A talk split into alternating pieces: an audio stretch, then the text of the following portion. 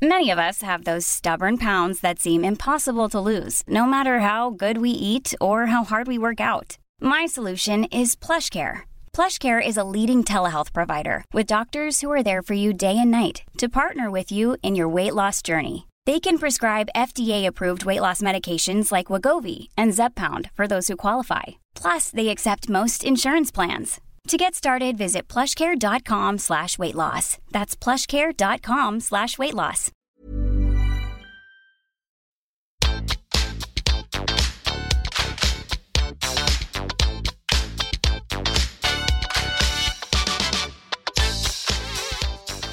Hei alle sammen, og velkommen tilbake til podkasten Karriereveiledning med Elaine. I dag har vi et spennende tema vi skal ta for oss, nemlig hva i all verden er det folk driver med? Og se for deg at du er i en jobbsituasjon eller et møte eller lederutvikling, eller du er i hvert fall i arbeid med noe som har med mennesker å gjøre, eller kanskje du har noe som har med mennesker å gjøre, så lurer du på hva er det de faktisk driver med. Så hva er det som gjør at vi tenker som vi tenker, føler som vi føler, velger som vi velger og handler som vi handler? Det er mange ulike innfallsvinkler, men jeg skal dele noe med dere i dag som heter metaprogrammer.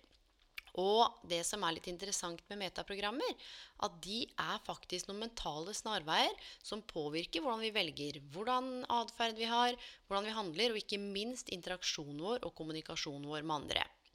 Og metaprogrammer, for å beskrive det kort, kan sies at det er en slags indre representasjon av hvordan du opplever verden. For vi opplever jo ikke verden sånn som den er, men hvordan vi faktisk opplever den på vår unike måte. Så metaprogrammer er med på å bestemme altså, hva hjernen din fokuserer på, og hvordan den fokuserer. Så det handler jo rett og slett om hvordan vi prosesserer informasjon. Og jeg skal starte med en liten historie fordi min far han er snart 82 år, og vi har et fantastisk godt forhold i dag. Vi har dessverre på godt og vondt hatt en del krangling i oppveksten. Jeg var jo litt rebelsk. Faren min er veldig opptatt av detaljer, og han tenker alltid på alt som kan gå gærent. Og jeg er veldig helhetsorientert, tenker i store bilder, store drømmer og visjoner, og ikke alltid like glad i detaljene. Og det som er litt interessant, er at det, her kan du jo si at det til en viss grad har vært brist i kommunikasjon. Og jeg har ikke skjønt hvorfor vi har vært så forskjellige. Men så gikk det opp et lys for meg for mange mange år siden jeg begynte å jobbe med dette her. Vi har jo faktisk helt ulike metaprogrammer som driver og kjører. Så se for deg at du har en data, og så har du masse eh, programmer oppe, om det er f.eks. VG, Facebook, eh, The Huffington Post, hva enn du har oppe. Sånn er det også hvis jeg skal beskrive disse metaprogrammene. Det ligger og kjører i hodet vårt, som er liksom den dataen, og så ligger alle disse programmene og går samtidig. Og nå er det jo sånn at jeg har tenkt å dele et par interessante metaprogram med dere. Som jeg håper du kan ta med deg inn i en intervjusituasjon, inn i samarbeid med kollegaer, eller hva annet det skulle være. Og det første metaprogrammet det handler om å være helhetstenkende kontra det å være detaljorientert. Og det som er viktig å si, at vi er jo ikke nødvendigvis enten-eller, men her handler det om å bli kjent med hvilke kontekst, altså hvilke situasjoner er det jeg blir veldig detaljorientert, og er det noen situasjoner hvor jeg er veldig helhetstenkende. Og jeg personlig tenderer jo mest til å være helhetstenkende. Og det betyr at når jeg treffer noen som er veldig detaljorientert, så må jeg jobbe med å bevege meg mot de. For ofte da, hvis du er helhetstenkende og treffer noen som er ekstremt opptatt av detaljer, så kan man fort dette ut, eller om ikke man begynner å kjede seg, så begynner man kanskje å tenke på andre ting. Rett og slett fordi man har ulike metaprogrammer som kjøler at man på ulik ende av skalaen da, av et metaprogram. Så kan du tenke deg at når jeg da er veldig opptatt av de store linjene og skal forklare noe til faren min, og han aller helst vil ha det i detaljer, så sier det seg sjøl at det blei noen småkrasjer her og der. Så da kan du jo tenke etter. da, Er det noen situasjoner hvor du er mer detaljorientert enn helhetstenkende? Eller er det sånn at du er generelt detaljorientert? Og hvordan påvirker det de rundt deg? Og ikke minst, klarer du å gå i dialog med kollegaene dine og finne ut av hvordan de ligger i det landskapet? så kan det godt være at dere kan få en mye bedre kommunikasjon enn det dere har hatt hittil. Ok, Så skal vi se på metaprogram nummer to, og det er jo litt artig. For det handler om å være worst case-tenker. Altså at du alltid tenker på alle scenarioer hvor alt kan gå gærent. Og så har du da best case-tenkeren, som alltid tenker at alt bare ordner seg. Og jeg er jo en klassisk best case-tenker. Jeg tenker at det meste kommer til å gå seg til. Og da, hvis jeg bruker faren min som eksempel igjen, og han på en måte har dratt meg gjennom alle scenarioene hva som kan gå gærent, så sier jeg gjerne til han, eller sa til deg, du slapp av, pappa, det ordner seg. Og det er det jo verste du kan si til en worst case-tenker, fordi de har jo behov for å bli sett og hørt og ivaretatt i forhold til alle disse scenarioene som spiller seg ut. Så her er det jo lurt å rett og slett gå i dialog, stille gode, åpne spørsmål. Hva er det som gjør at du bekymrer deg for det? Så spennende. Hvordan kan vi ta høyde for det? Rett og slett bare få tak i hva er det som ligger bak disse bekymringene om alt som kan gå galt. Og igjen så er det ikke bra å være helhetstenkende eller dårlig. Det er ikke bra å være worst case eller best case-tenker. Det er ikke noe som er bra eller dårlig her. Det er helt irrelevant. Det handler om å bli kjent med seg sjøl i forhold til hvordan er det du fungerer i ulike situasjoner. Og jeg har jobbet tett med Nav i mange år, og i mange av møtene med Nav og en del av det arbeidet jeg gjorde med Nav, så var jeg nødt for å være detaljorientert. Men det er klart at eh, hvis jeg var for lenge i detaljene, så kjente jeg at jeg ble rastløs, mista motivasjonen.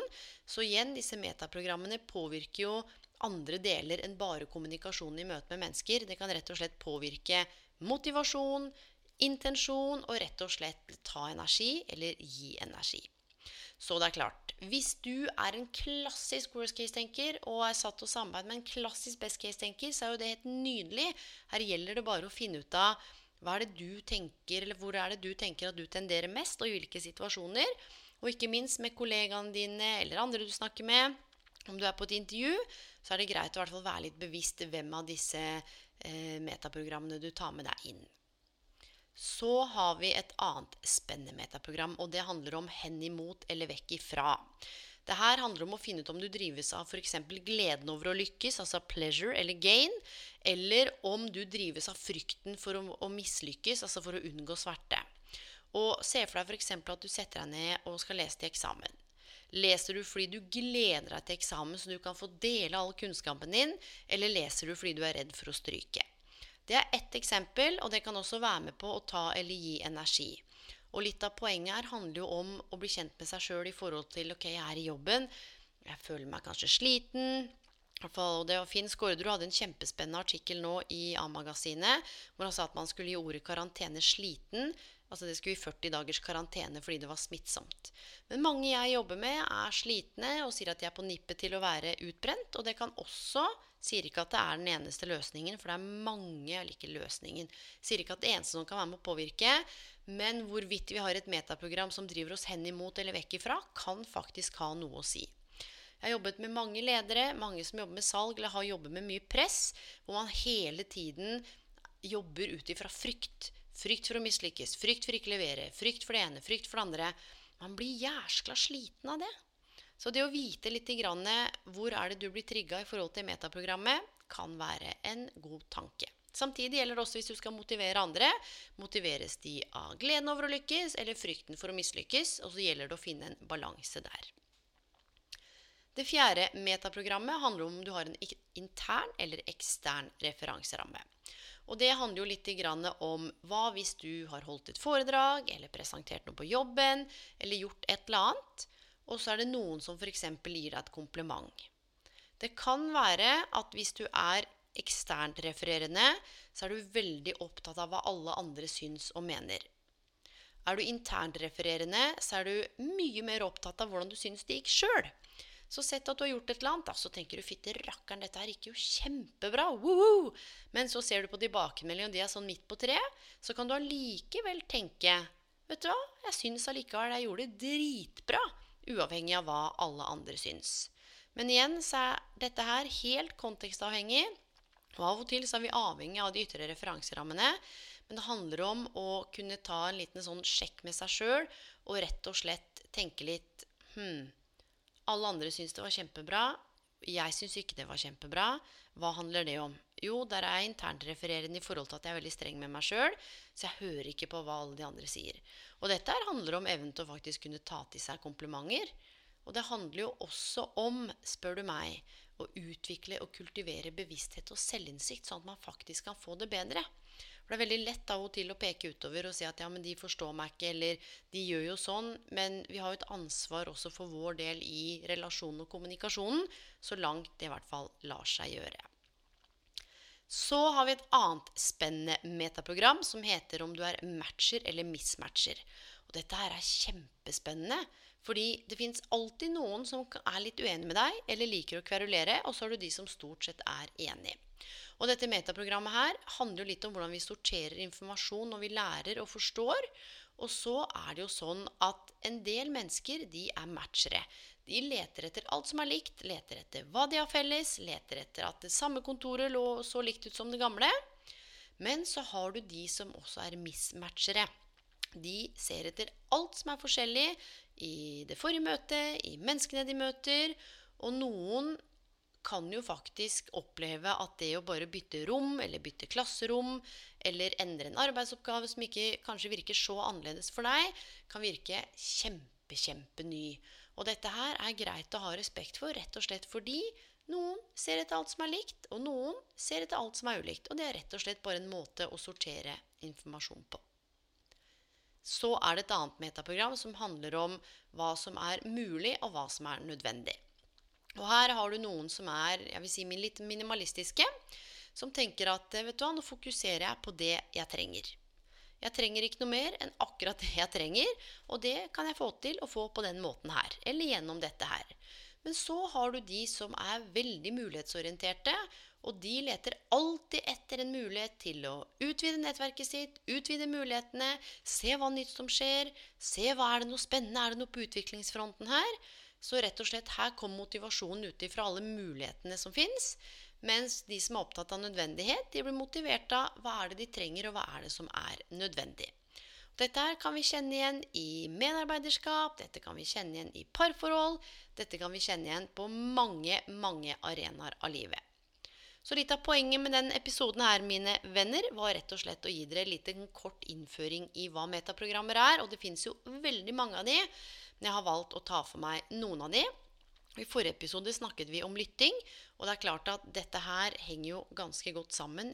For er det én måte du kan få tak i andre menneskers metaprogrammer på, uten å nødvendigvis tolke for mye, men bare observere, det er jo gjennom å lytte. Og vit det at disse metaprogrammene her opererer alltid i en kontekst. Så vi kan ikke si at noen er det ene eller det andre. Og ingen av disse metaprogrammene, om du er på den ene eller andre ytterkanten eller i midten, er rett eller galt. Så nå håper jeg du går på jobb i morgen, eller fortsetter å søke jobb, eller om du har ansvar for mennesker, om det er pasienter eller kunder eller små barn, eller hva enn det skulle være, at du kanskje har blitt bitte litt klokere på deg selv. Og gjennom å også bli bedre kjent med metaprogrammer, så kan vi i enda større grad også ha enda større respekt for de menneskene vi møter, og vite at vi står egentlig på hver vår fjelltopp med hvert vårt kart av verden, i forhold til hvordan vi sorterer, håndterer og tar inn informasjon. Og vite at sånn som du opplever verden, er ikke nødvendig sånn som jeg opplever verden. For jeg og du, vi kan gå på den samme kinofilmen, f.eks., og så kan du elske filmen, og jeg kan mislike den. Og det handler igjen om både metaprogrammer og hvordan vi opplever verden. Selvfølgelig basert på hva vi har med oss av erfaringer, verdier, personlighet, fysisk tilstand, metaprogrammer og en hel del andre ting som jeg kommer til å snakke om i en senere episode. Som handler rett og slett om hva er det vi har med oss i den lille mentale bobla som vi har oppi hodet vårt. Og med det så ønsker jeg dere en fantastisk dag eller kveld eller helg eller hvor enn du er i verden og lytter. Hvis det er noen ting, så finner du meg på Instagram. Elaine underscore Bloom. Du finner meg også på Instagram på at karrierekanalen. Eller du finner meg på LinkedIn, Facebook, elainebloom.no eller karrierekanalen.no. Og med det, mine venner, så sier jeg på gjenhør. Ha det!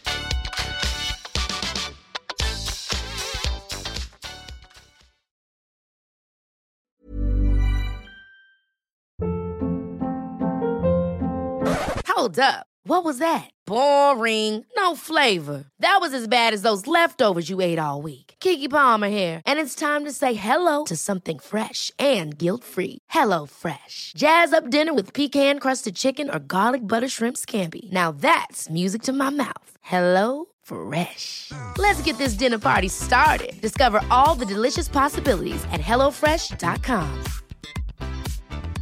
Even when we're on a budget, we still deserve nice things. Quince is a place to scoop up stunning high-end goods for 50 to 80% less than similar brands. They have buttery soft cashmere sweaters starting at $50, luxurious Italian leather bags, and so much more. Plus, Quince only works with factories that use safe, ethical, and responsible manufacturing. Get the high-end goods you'll love without the high price tag with Quince. Go to quince.com/style for free shipping and 365-day returns.